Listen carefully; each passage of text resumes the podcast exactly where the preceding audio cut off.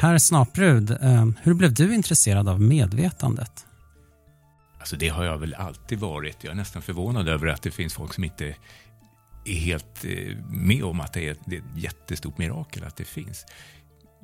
Om jag ska säga något ögonblick så, så har jag varit med om att dissekera en, en mänsklig hjärna under en tid som hjärnforskare. Och då, då blev det så här konkret. Jag stod och höll i, i en hjärna och då måste man ju tänka, liksom, vad fan är det här för något?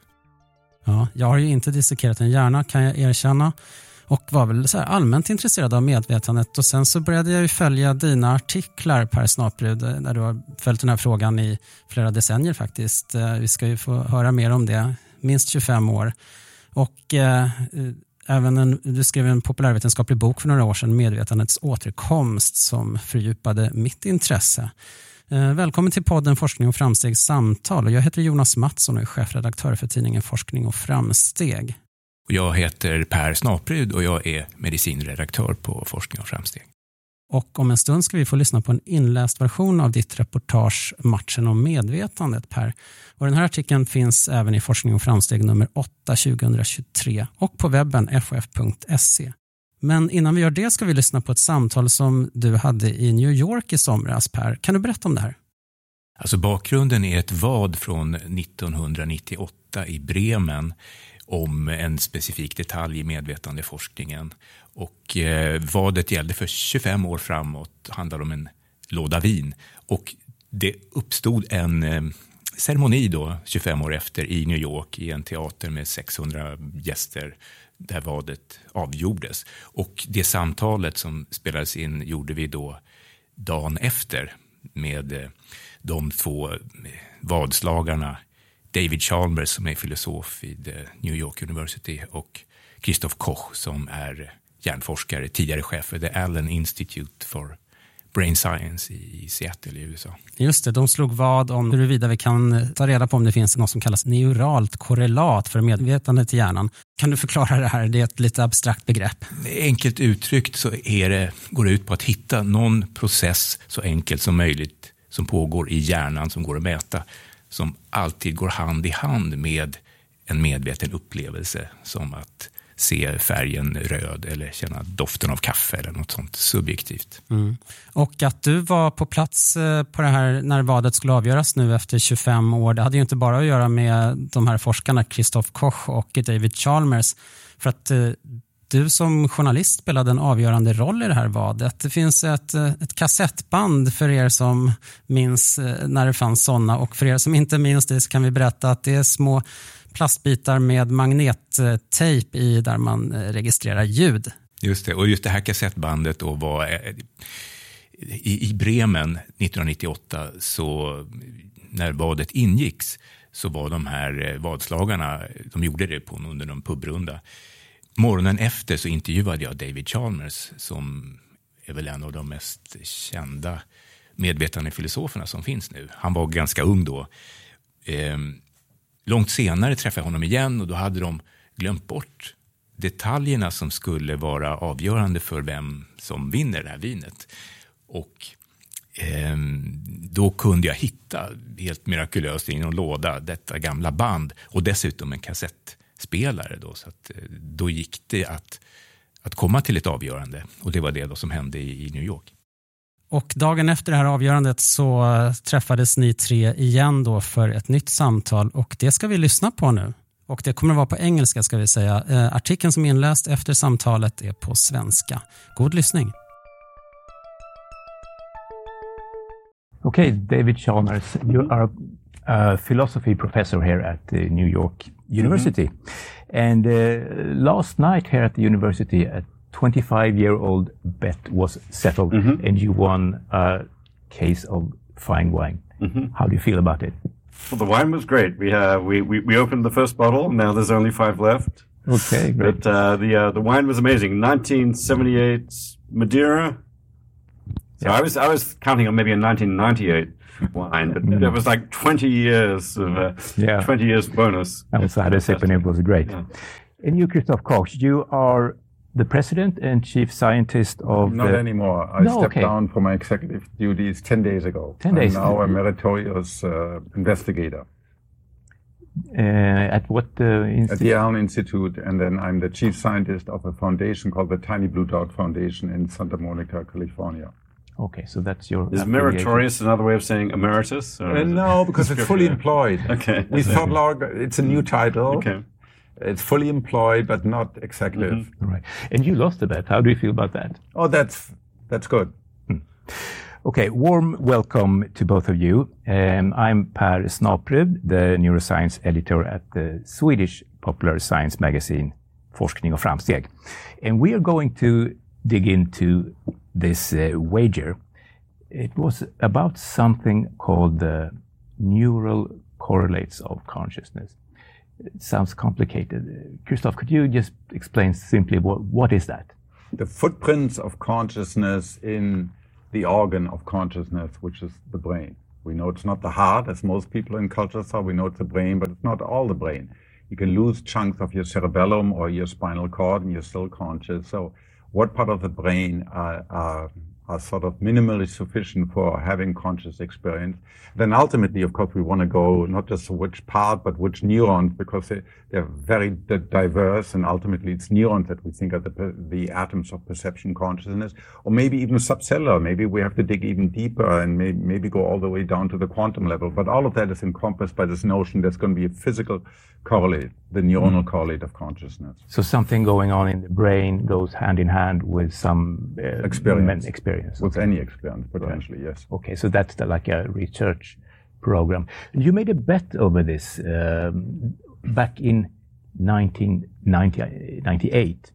Uh, that's a long time ago. Just to, to uh, look back, how was the field of uh, consciousness study then? Was that a, like a good career choice to get into? It was. I'm still not sure it's a great career choice for everyone to get into. Some people say wait till you have tenure, but it's getting it's getting better. Back then, 1990s, uh, the 1990s were a time of the beginning of a period of growth in the field. Some of the credit for that goes to Christoph and Francis Crick, who put forward, who wrote an article in the 1990 in 1990 calling for a search for the neural correlates of consciousness. Right, and, and Francis Crick is the guy who mm. shared the Nobel Prize for uh, describing the DNA molecule. Exactly, right. which which was then held forth as, I suppose, the biological correlate of life, which then went on to uh, explain of heredity, reproduction, not of life, of heredity.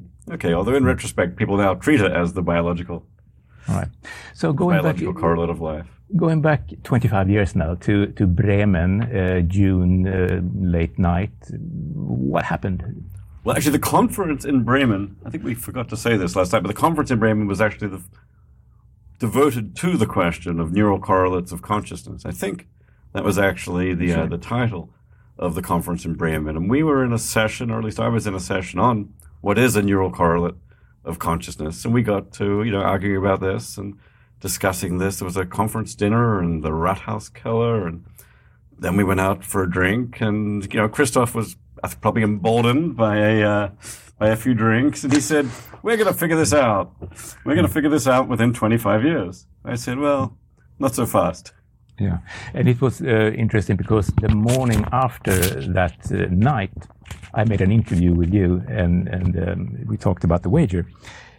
Um, Can I just correct the historical record. Sure. Right, right. Despite any alcohol I may or may not have had, I don't admit to anything. I was very enthusiastic, partly because you know you're young, you believe in what you do. I was yeah. an, I was a physicist turned a neuroscientist, and I said, of course we're going to nail this. It's an empirical program; it doesn't depend on metaphysical assumption. We can all agree there's going to be some footprints, and so let's do it.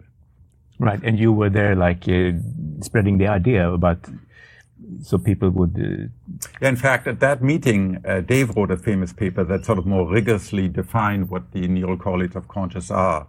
Uh, because, as, as Dave said, the entire meeting was organized by philosopher Thomas Metzinger on the mm-hmm. topic of what are these NCCs.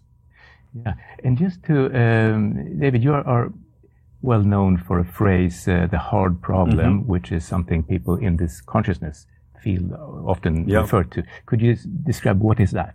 The hard problem is really the problem of explaining subjective experience. Uh, you know, how it is to have a conscious experience from the inside, what it's like to perceive, to feel, to think, And really, part of the question is why is there even any subjective experience at all? Why doesn't the brain and all these physical processes just go on processing information in the dark without any internal illumination? So the hard problem is the problem of explaining how it is that physical processes in the brain should give rise to subjective experience. And notice this problem is a problem about explanation.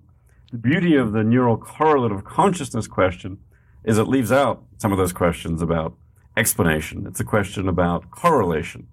They're looking for the neural processes that correlate with consciousness. That could just be empirical. We find that when we're conscious, this particular brain process is active and vice versa. That might leave open the hard problem of consciousness, which is why and how does that physical process give you consciousness? But for the purposes of this research project, you don't need to solve that very difficult philosophical question. Right. But for the purposes of the wager, you need to find the neural correlate of consciousness. You don't need to solve, very importantly, you don't need to solve the, Christoph didn't need to solve the hard problem Right. to win the wager. No. Um, I think was, if, if I proposed a, a wager on that, I don't think you would have taken No, no.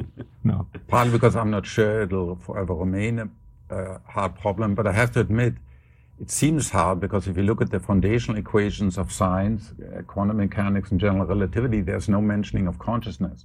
If you look at the periodic table of the elements, there's no consciousness. If you look at the endless ATGC chart of our genes, there's no consciousness. But here we are having conscious experience. So So would you say that consciousness is something outside of science as we know it? No.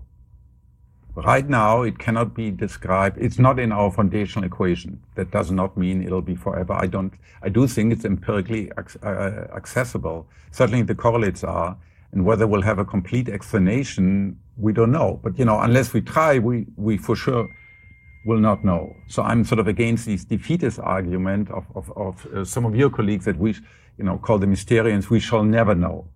And to be fair, I've never said it's outside of science. I've always said it's a scientific project of explaining consciousness. I'm ultimately an optimist Yeah. about it, but we have to recognize the particular challenges, and it's by no means uh, a uh, we can by no means assume up front that it's going to be a standard explanation of the kind we find elsewhere in, say, in neuroscience or in biology. Yeah. It may well require going beyond that. Right. You're a philosopher, you're a neuroscientist, but you have a lot of common ground in your different uh, reasoning, I think.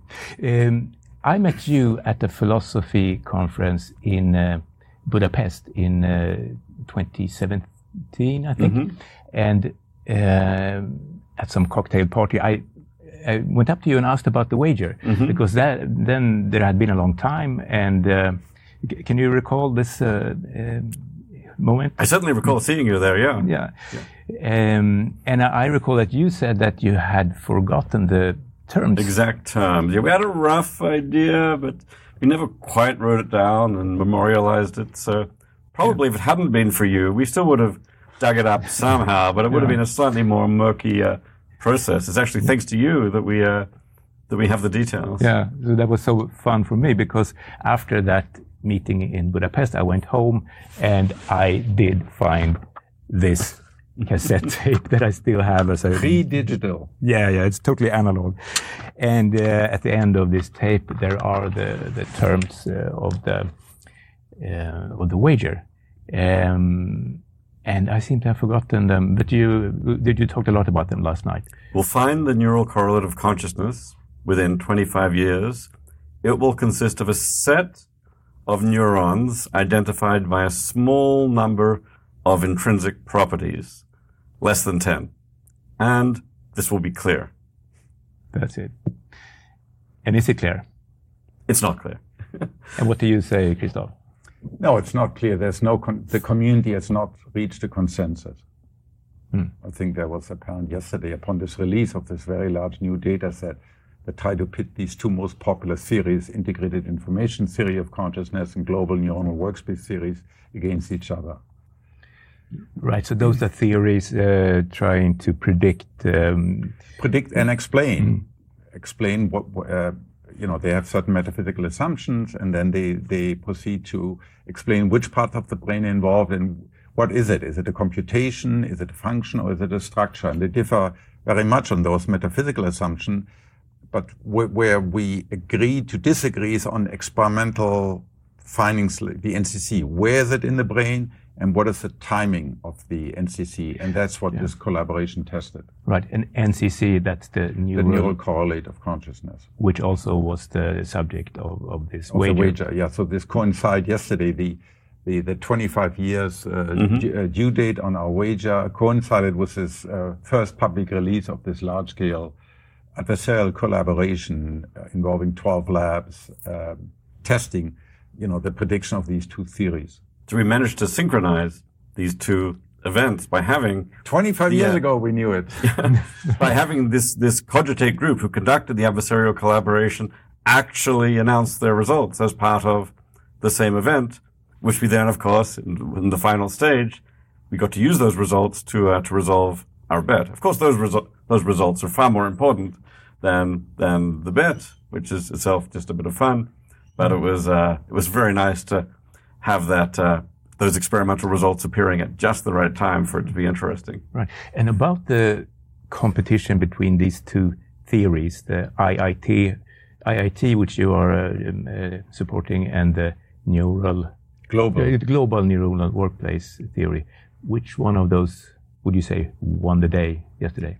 Well, I think there are fewer discrepancies between the experiment in IIT than there are between global neural workspace and the uh, and the data. But I mean, both theories have been challenged by some of the experimental uh, uh, some of the experimental results. Now, you can always argue the instrumentation wasn't fine enough, we didn't have enough electrodes, or this, that, and the other. But that's what the current uh, status uh, is. It's not resolved. Right. Lucia Maloney presented a nice chart with, you know, colored in red when the predictions of a theory were challenged and colored in green when they were not challenged. And, uh, yeah, it did appear that the global workspace theory had somewhat more red patches on their chart. And these actually don't just correspond to what theorists, to what the experimenters think. These theorists, such as Stan Dehaene, Giulio Tononi, actually signed their names to these predictions when the, uh, when the whole project was going in. So I'm taking it that, you know, Stan Dehaene said we, we will find this kind of activity in prefrontal cortex. And if they don't find it, they can now say, oh, your own prediction was falsified. Now, of course, what happens is people then retrospectively find all kinds of new things that are uh, that may have gone wrong. That maybe the te- the techniques weren't powerful enough. Um, maybe people weren't actually conscious of the stimulus after all, and so on. So the arguments happen, but they do become, uh, you know, all the the challenges become all the clearer when a theorist's own predictions are falsified. Yeah. It's a little bit like Einstein adding the cosmological constant to his field equation when he thought the universe was static. Uh, because, you know, he said, well, the evidence seems to suggest it's static, so I need to add this term, which later on turned out to be wrong because the universe is in fact expanding. Right. We're getting a little bit uh, off topic, but but uh, just to sum up, um, in last night I, I was a little bit surprised that you um, made a new bet. Could you um, describe that? Why should this be surprising? Well, I, I challenge because I feel I continue to feel very gung ho about the techniques and the theories, particularly the, the techniques are getting better and better. We now, you know, there are companies such as Elon Musk, Neuralink that, you know, we can start to directly interfere with higher resolution in the, in the brain into the human brain for, for, for surgical purposes. Our techniques in, uh, in manipulating animal brains are getting better and better, more sophisticated. So we can move towards not just correlation, but causation. So I think over the next 25 years, we have a much better chance of resolving this question once and for all, empirically resolve it, uh, than we had the last 25 years. So I challenge Dave to return in, in the year 2048 at a meeting like this one and um, to then admit defeat. It's a great challenge, and I'll be very happy to be defeated if it turns out we found the neural correlate of consciousness. And I do think Christoph's chances in this bet are at least better than they were in the uh, in the previous bet. After all, we've had 25 more years experience. If he had made the first bet as one about 50 years, then I still think it would have been a good bet for me, but uh, he wouldn't have been going quite so far out on a limb. That said, I still think there are a lot of challenges to overcome, not least one thing we find in this in this debate between the global workspace theory and integrated information theory is actually a larger quasi philosophical debate between two different conceptions of consciousness. One where consciousness is largely tied to sensory areas. Um, it's very rich and full of content. Largely, the neural correlates largely found in the posterior areas of the brain. That contrasts, that's the vision of IIT, but not just of IIT, of many other theorists as well. The contrasting approach is one where consciousness is much more tied to thinking, attention, uh, maybe reasoning. It's much sparser. We're conscious of only a few things at a given time, and its neural correlates are found in the frontal areas of the brain, such as prefrontal cortex.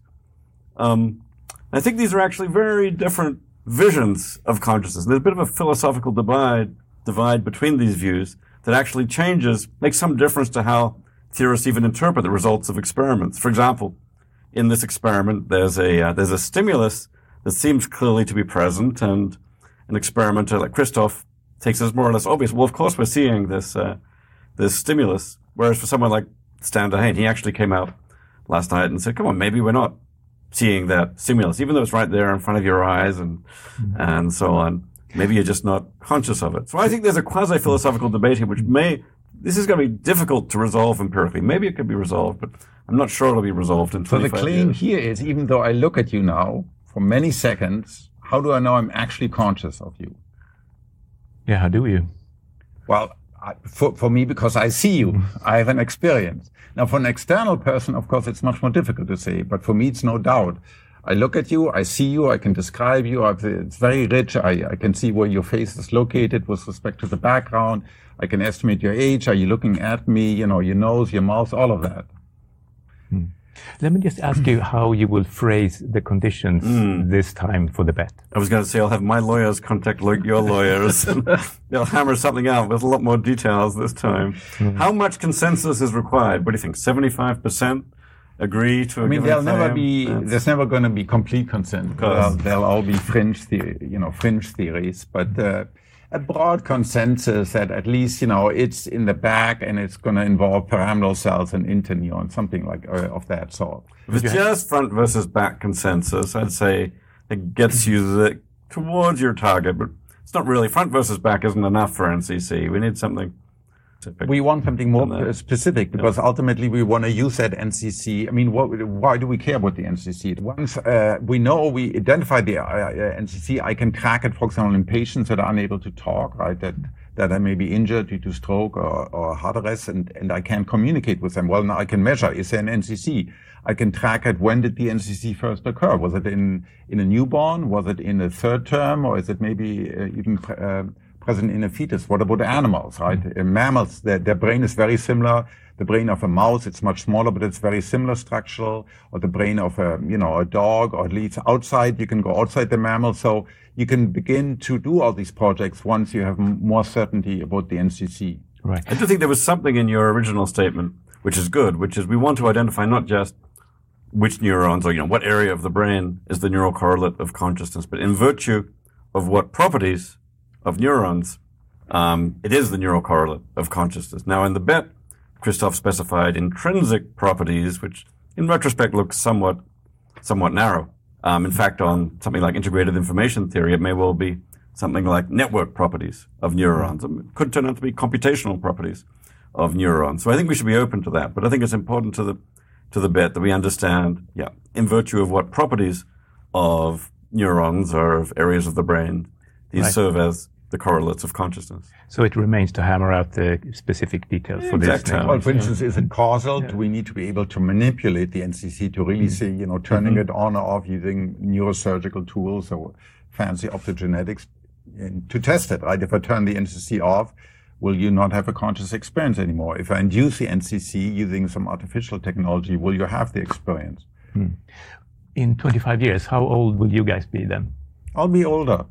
He'll be 92, I think. I'll be 82. Let's hope that anti-aging technology keeps us uh, keeps us around. Yeah. Maybe AI will be in place, and they will have found the neural correlate of consciousness for us, and simultaneously extended biological immortality to each of us.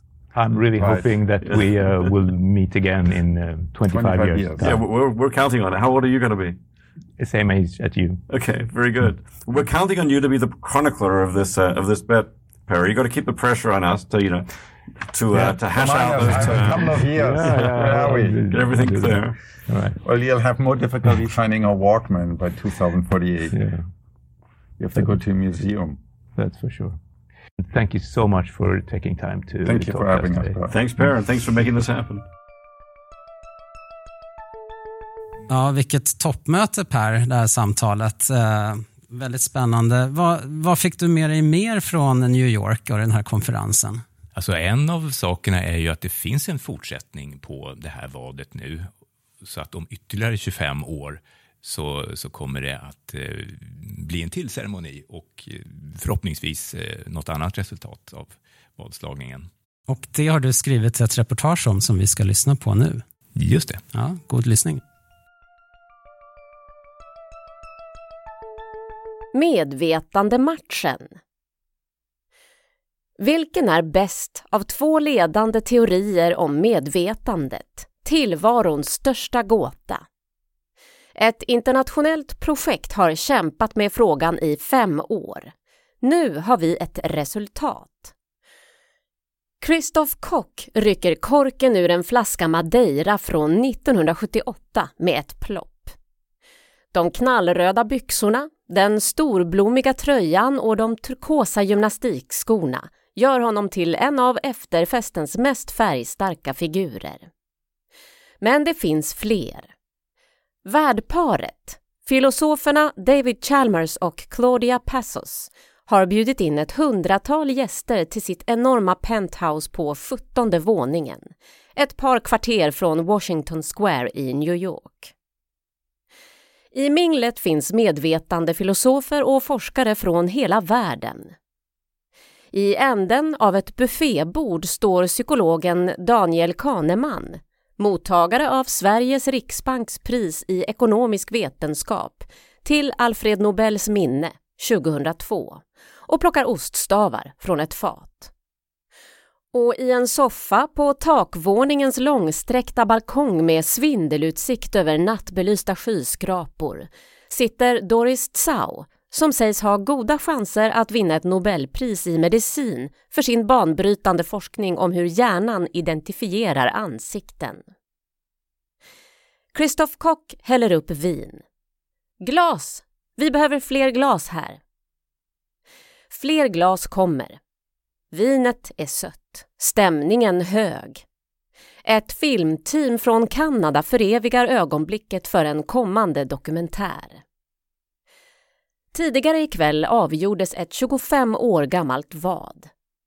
Christoph Koch, hjärnforskare och tidigare chef för Allen Institute for Brain Science i Seattle, överlämnade vinet vi nu dricker till David Chalmers, filosofiprofessor vid New York University inför en publik på över 600 personer i närliggande Skirball Theatre. Ceremonin var ett festligt inslag under en pågående konferens om medvetandet.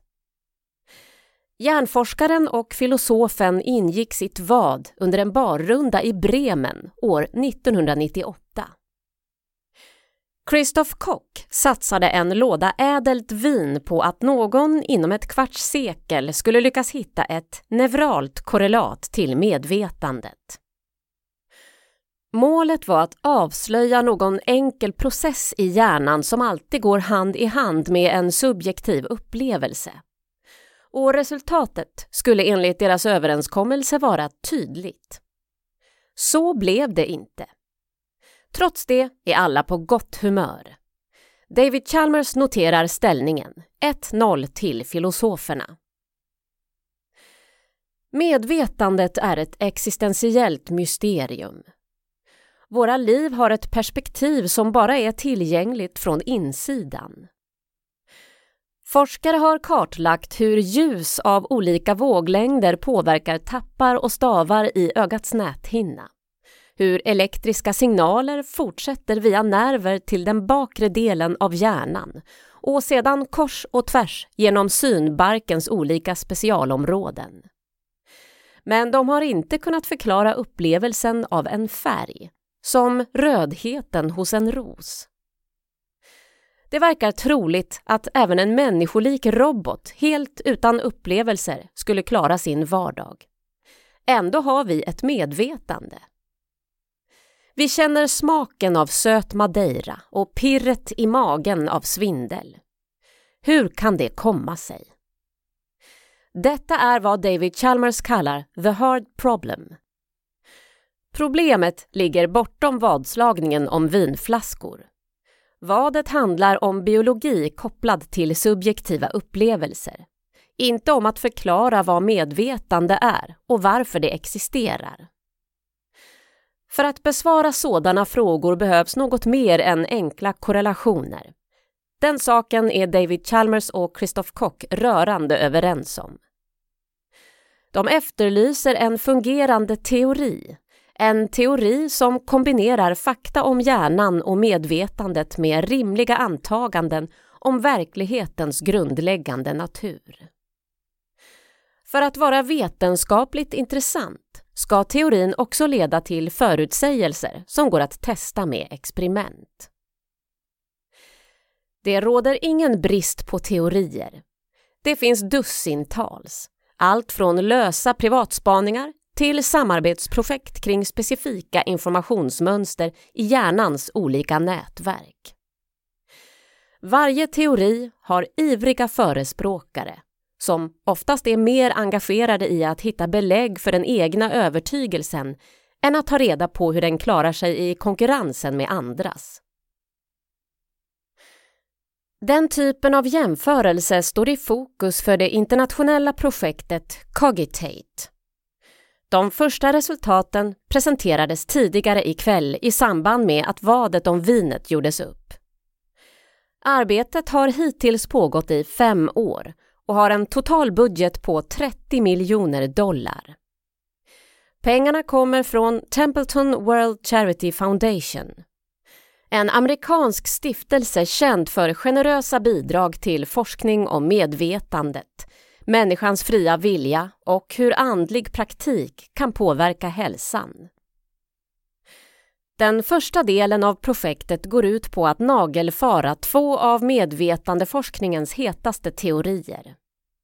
Visionen är att döda en av dem, säger David Potgite när jag når honom för en telefonintervju. Han befinner sig i London där han arbetar som oberoende konsult åt forskningsstiftelser men var tidigare anställd vid Templeton World Charity Foundation på Bahamas. David Potgieter understryker att medvetandefrågan gäller mer än existentiella grubblerier. Den är central inom etiken, avgörande för läkare som ska bedöma om det är meningsfullt att hålla liv i en gravt hjärnskadad patient utan förmåga att kommunicera. Den påverkar även vår syn på djurs rättigheter liksom våra relationer till allt mer avancerade artificiella intelligenser. Den första David Potgieter kontaktade när han skulle starta sitt medvetandeprojekt var Christoph Koch, hjärnforskaren som förlorade en låda vin idag. Tillsammans organiserade de ett inledande möte med förespråkare för olika teorier i Seattle i mars 2018. Christoph Koch föreslog då att de skulle arbeta enligt en metod utvecklad av ekonomipristagaren Daniel Kahneman, för många känd som författare till den internationella bästsäljaren Tänka snabbt och långsamt. Tidigare ikväll satt Daniel Kahneman i publiken i Skirball Theatre. När strålkastarljuset slocknat fick jag en pratstund med honom. Han berättade om idéer som växte fram efter en konflikt han hade för 40 år sedan med sin dåvarande fru Anne Treisman, också hon forskare i psykologi. De hade helt olika uppfattning om hur hjärnan hanterar vissa synintryck. Vi försökte lösa oenigheten genom att planera och utföra experiment och vi misslyckades. Ingen av oss bytte åsikt. Men äktenskapet klarade prövningen. Ann Treisman avled för fem år sedan och Daniel Kahneman är numera sambo med Barbara Tversky, änkan efter hans nära vän och forskarkollega Amos Tversky. En vanlig uppfattning bland forskare är att en teori aldrig kan bevisas. All vår kunskap består istället av teorier som ingen ännu har lyckats slå ihjäl. I den bästa av världar går forskare med på att släppa en älskad teori om ny data visar att den är falsk. Verkligheten är dock mer komplicerad.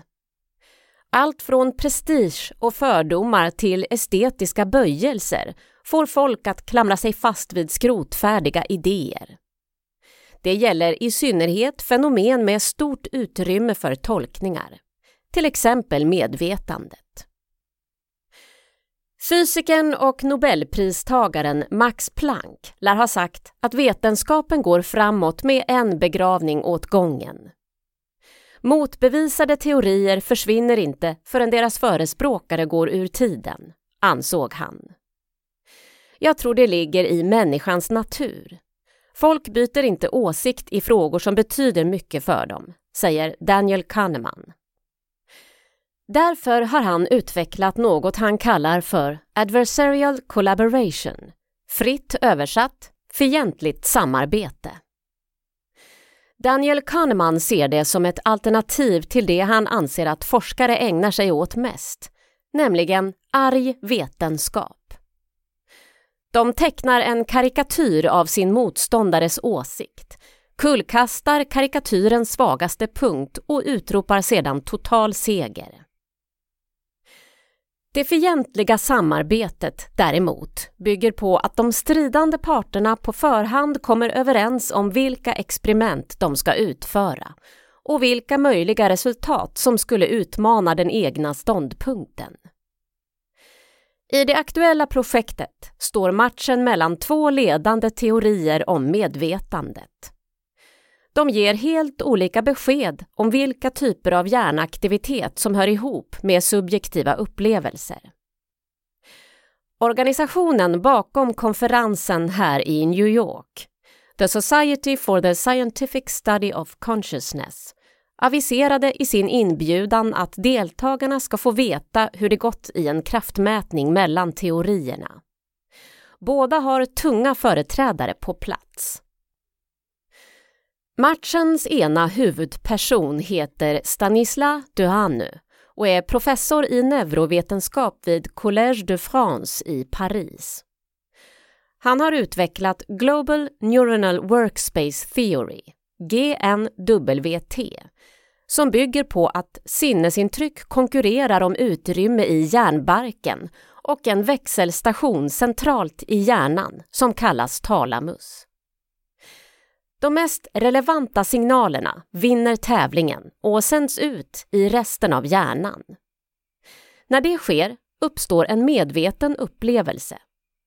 Utsändningarna sköts av en särskild sorts jätteceller med långa utskott som till stor del håller till i den främre delen av hjärnan.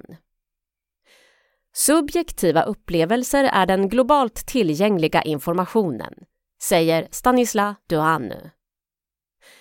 Teorin bygger på idéer som lanserades redan på 1980-talet och har starkt stöd i synnerhet bland fransktalande forskare. Den förutsäger att mycket av medvetandets centrala processer finns fram till i huvudet. Motståndarsidans representant här i New York heter Melanie Bowley.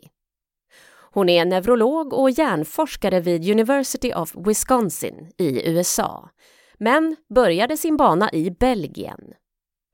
Som doktorand vid Université de Liège på 00-talet hade hon en handledare med sympatier för GNWT. När jag själv började granska data såg jag att den teorin inte är någon bra förklaring, säger Melanie Bowley. Istället fick hon upp ögonen för Integrated Information Theory, IIT. Hon sökte upp dess upphovsman, Giulio Tononi, vid University of Wisconsin, där hon numera arbetar. En annan tydlig förespråkare för IIT är Christoph Koch. Melanie Bowley och hennes medarbetare utgår från hur vår subjektiva värld ser ut. Bland annat att alla delar av en upplevelse hänger ihop. Det går inte att se en blå kopp som en blå färg och en svartvit kopp var för sig. I nästa steg använder de fakta om medvetandet för att beskriva vilka egenskaper ett fysiskt system måste ha för att vara medvetet. Resultatet är ett invecklat matematiskt bygge som säger att medvetande kan finnas i en mängd olika system, inte bara i hjärnor. Ett centralt begrepp är FI, ett slags mått på medvetande. Grovt räknat är FI högt där det finns många specialiserade moduler med mycket samordning. Så ser det ut i stora delar av hjärnbarken. Lillhjärnan däremot består av moduler som i huvudsak arbetar oberoende av varandra. Trots att den innehåller 80% av hjärnans alla nervceller har den ett lågt Fi enligt IIT. Det högsta Fi-värdet i en mänsklig hjärna finns i barkens bakre del. Det betyder att IIT placerar medvetandets centrala processer baktill i huvudet. Så vem har rätt? Anhängarna av GNWT med Stanislav Duhanu i spetsen som kopplar medvetandet till skeenden långt fram i hjärnan. Eller Melanie Bowley som med hänvisning till IIT placerar dem längst bak. Det är en av frågorna som forskarna inom Cogitate-projektet har skärskådat. Ledstjärnan har varit fientligt samarbete. Inledningsvis fick företrädare för de båda falangerna förhandla fram ett avtal om lämpliga experiment, möjliga resultat och hur de ska tolkas. Båda parterna skrev sedan under ett gemensamt dokument i syfte att minska risken för käbbel och bortförklaringar. Därefter genomfördes experimenten. Sex neutrala laboratorier studerade 256 försökspersoner med tre olika metoder.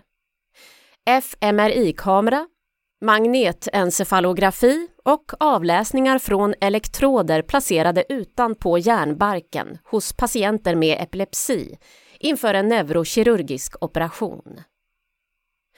Lucia Meloni, medvetandeforskare vid Max Planck-institutet för empirisk estetik i Frankfurt, Tyskland, leder Cogitate-projektet. Hon är huvudförfattare till en ännu opublicerad rapport som beskriver resultaten i detalj. I ett experiment skulle försökspersonerna identifiera ansikten och andra objekt och dessutom ange om de lutar åt höger eller vänster. Det intressanta var att uppgiften ledde till generellt ökad aktivitet baktill i huvudet, men bara undantagsvis framtill. Så i det fientliga samarbetets första drabbning gick det bäst för IIT. Rapporten innehåller en figur där rutor i grönt eller rött anger hur det har gått IIT får grönt ljus i första ronden av tre. Konkurrentens betyg blir till hälften grönt och till hälften rött. Nästa rond gäller timing. Säg att du tittar på Mona Lisa i en sekund. Då varar upplevelsen i en sekund. Om du tittar i 20 sekunder så pågår den i 20 sekunder, säger Lucia Meloni. Enligt IIT ska hjärnaktiviteten baktill i huvudet kopplad till en sådan medveten upplevelse pågå lika länge som själva upplevelsen. Varken mer eller mindre. Och detta var exakt vad experimenten visade. Konkurrerande GNWT gör en annan förutsägelse. Enligt den ska aktiviteten fram till i hjärnan flamma upp när upplevelsen antänds alltså när speciella nervceller sänder ett utvalt budskap till stora delar av barken. Sedan minskar aktiviteten för att stiga till en ny topp vid upplevelsens slut. Utgångspunkten är att den hjärnaktivitet som placerar något i medvetandets strålkastarljus inte behöver vara lika utdragen som själva upplevelsen. Tid behöver inte motsvaras av tid. Lika lite som färg måste motsvaras av färgglada nervceller, säger Stanisla Duhanu. Det är en spännande tanke, men den fick underkänt i laboratorieförsöken. Mätinstrumenten registrerade visserligen en aktivitetstopp fram till i början, dock inte i slutet. Färgrutorna är skoningslösa. Grönt för IIT, rött för GNWT. Den sista ronden gäller förekomsten av synkroniserad aktivitet i olika delar av hjärnan. Den slutar med helrött för IIT och halvrött för GNWT.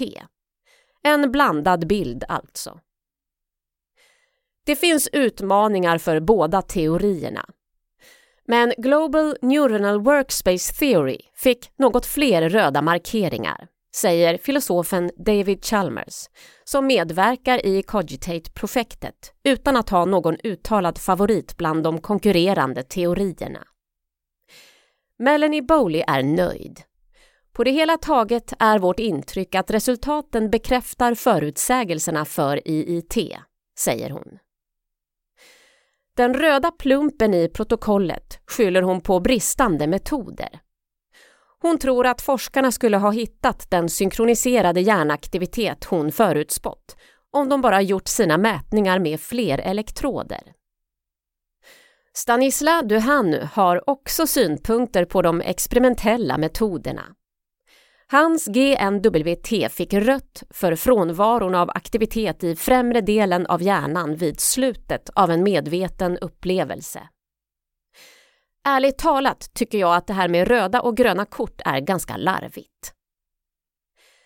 Stanislav Duhanu påpekar att de tillgängliga metoderna kan ha varit för dåliga för att uppfatta den puls av hjärnaktivitet som enligt hans teori sätter punkt för en medveten upplevelse.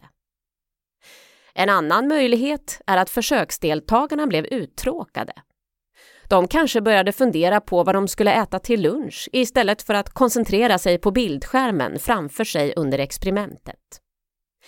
I så fall blir mätningarna opålitliga, enligt Stanislas Duhanu. Han tycker också att motståndarlagets förutsägelser var självklarheter. De fick gröna kort allt för lättvindigt, för saker vi redan visste.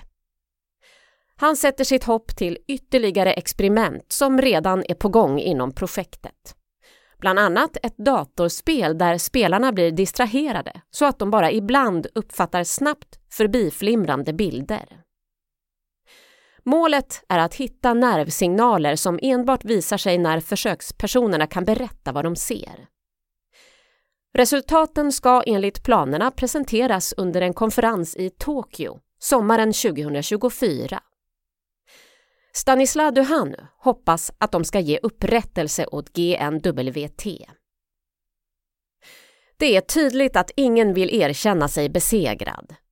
Eftersnacket bjuder på bortförklaringar från båda sidor, vilket rimmar illa med projektets ursprungliga mål, att döda en av teorierna. Men Daniel Kahneman är varken förvånad eller besviken. Så blir det ofta. Men det betyder inte att det fientliga samarbetet var bortkastat, säger han. Vare sig Stanislav Duhanu, Melanie Boy eller någon annan av teoriernas frontfigurer har ändrat åsikt. Men det handlar inte bara om dem. Daniel Kahneman gör en gest mot skocken av minglande medvetande forskare. Det handlar om ett helt forskningsfält, säger han.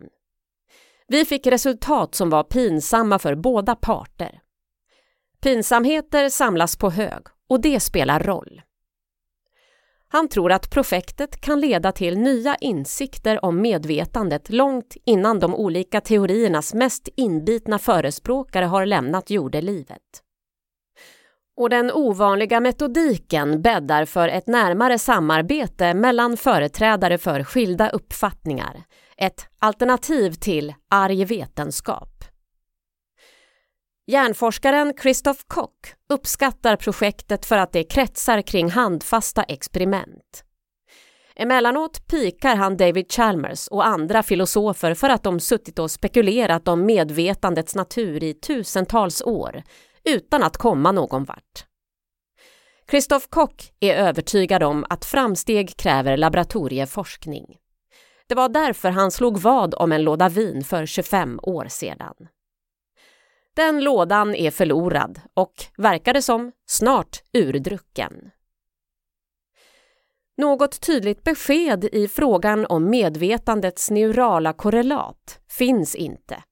Även om de båda testade medvetandeteorierna placerar avgörande processer på olika håll inne i hjärnan. IIT baktill och GNWT framtill. Men enligt vadslagningens regler skulle resultatet vara tydligt. Och så här långt i utvärderingen av de båda teorierna saknas tydliga besked. Jag har förlorat ett slag men vunnit ett krig, säger Christoph Koch. Hans krig går ut på att få fler hjärnforskare att tackla frågan om medvetandet i sina laboratorier. Det har gått bra. Antalet vetenskapliga rapporter om medvetandet publicerade av hjärnforskare har ökat kraftigt under de senaste decennierna. Detta, tillsammans med bättre metoder för att studera levande hjärnor, gör att Christoph Koch hoppas på revansch. När han stod på scenen för en dryg timme sedan och gjorde upp sitt gamla vad med David Chalmers passade han på att föreslå ett nytt. Det är i princip en repris. Även denna gång gäller vadet medvetandets neurala korrelat. Alltså länken mellan processer i hjärnan och subjektiva upplevelser. Det nya vadet kommer att avgöras i juni 2048. Den här gången ska de formulera förutsättningarna i skrift. Och jag har fått uppdraget att arkivera dokumentet så att det finns kvar om ett kvarts sekel. Christoph Koch kommer att vara 92 år gammal då. David Chalmers 82. Båda säger sig ha goda chanser att vinna. Om segern går till Koch blir det 1-1 i matchen mellan hjärnforskare och filosofer. Skål! ropar någon. Glasen klirrar. Du har lyssnat på podden Forskning och framstegs samtal. För att prenumerera på Forskning och framsteg, gå in på fof.se podderbjudande. Inläsningen av artikeln som också finns i Forskning och framsteg nummer 8 2023 är gjord av Iris Media. Och medverkade i samtalet gjorde Per Snaprud, medicinredaktör på Forskning och framsteg samt filosofen David Chalmers och hjärnforskaren Christoph Koch. För ljudteknik, klippning och vignett står Per Dahlhjelm. Och jag heter Jonas Mattsson och är chefredaktör för Forskning och framsteg. Och jag vill passa på att också tipsa om Per Snapruds artikel i kommande nummer av Forskning och framsteg där han fördjupar sig i frågan om AI kan uppnå ett medvetande. Tack för att du lyssnade.